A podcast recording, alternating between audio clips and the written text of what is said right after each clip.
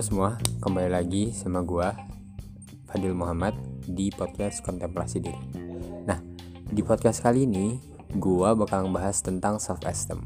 Di mana self esteem ini uh, mungkin beberapa orang pasti bertanya-tanya apa itu self esteem dan apa penyebabnya dan apa apa saja jenisnya. Akan tetapi sebenarnya dalam era seperti ini self esteem, self love, lalu self awareness, adapun self concept, self image dan lain sebagainya itu adalah sebuah uh, konsep diri yang disebut mungkin uh, dalam bahasa Inggrisnya mental health atau kesehatan mental. Di mana kesehatan mental ini penting untuk diri kita sendiri. Nah, di bahasan kali ini self esteem kita bakal membahas apa itu definisi dari self esteem sendiri, lalu jenis-jenisnya, lalu bagaimana cara kita untuk meminimalisir agar kita, agar kita mempunyai self esteem yang biasa saja atau tidak tinggi dan juga tidak rendah. Nah, mungkin kita akan bahas dari apa itu self esteem. Self esteem itu merupakan um, evaluasi positif terhadap dirinya sendiri. Seperti dia menghormati dirinya sendiri uh, untuk kepentingan diri sendiri. Self esteem ini bisa diartikan yaitu harga diri. Nah, mungkin teman-teman bukan harga diri uh, diri kita harganya berapa, tapi bagaimana kita memandang diri kita sendiri. Self esteem itu dibagi ada dua. Yang pertama, self esteem yang tinggi dan juga self esteem yang rendah. Bagaimana dengan self esteem yang tinggi atau yang positif? Self esteem yang positif ini sebenarnya dia lebih uh, mempunyai tingkat depresi yang rendah lalu dia bakal lebih aktif dan juga dia tahu kelebihannya diri sendiri dan juga nilai dalam pendidikannya atau dalam akademiknya ataupun dalam pekerjaannya pun uh, baik dan atau bagus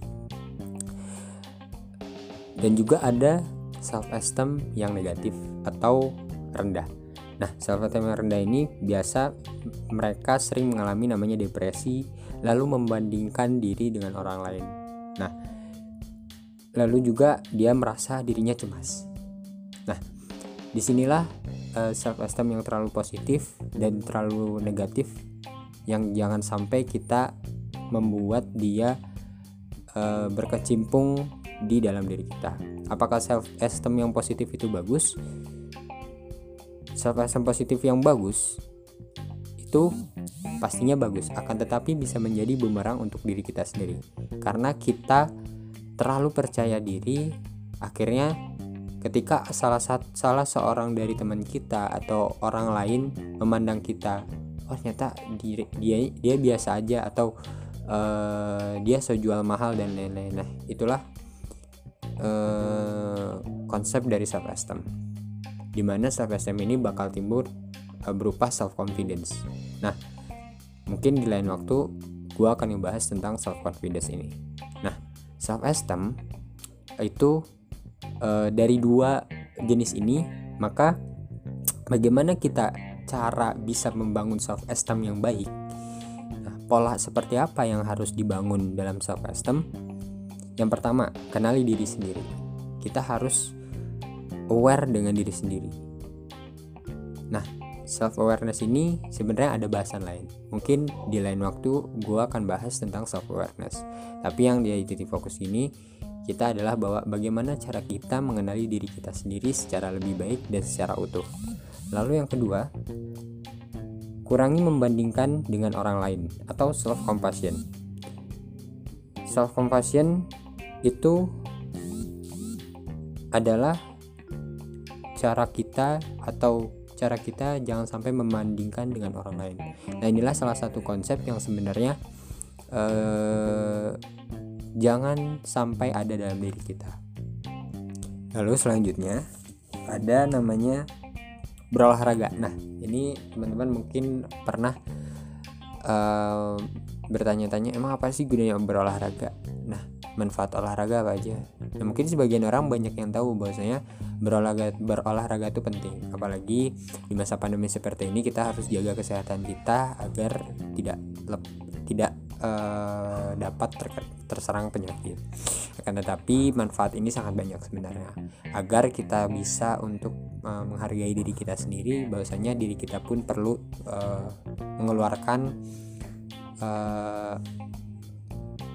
zat-zat yang tidak perlu oleh tubuh. Nah, itulah manfaat berolahraga. Dan yang terakhir, melakukan kegiatan volunteer atau melakukan kegiatan-kegiatan yang bernilai positif. Nah, mungkin kegiatan-kegiatan ini ke depannya sebenarnya seharusnya bisa untuk meningkatkan uh, diri kita, untuk menghargai diri kita, bahwasanya kita pun perlu banyak uh, kegiatan, kita pun perlu uh, yang namanya sebuah kegiatan, di mana kegiatan ini bisa uh, menjadi salah satu jembatan kita untuk lebih bisa mengenal diri kita sendiri.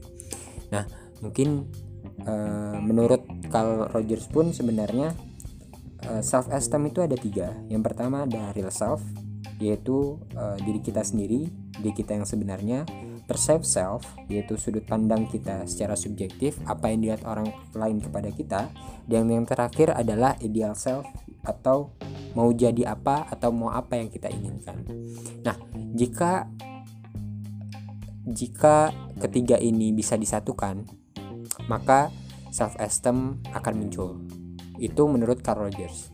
Nah, menurut Carl Rogers, Carl Rogers pun jika self uh, real self digabungkan dengan perceived self, maka ini menjadi sebuah ketimbulan bahwasanya diri kita tuh patut dihargai. Diri kita tuh perlu patut diapresiasi. Makanya ketika kita berhasil untuk menghargai diri kita bahwasanya diri kita ini perlu untuk uh, dikontrol. Karena semua kendali kita maka kita harus mengontrol diri kita sendiri.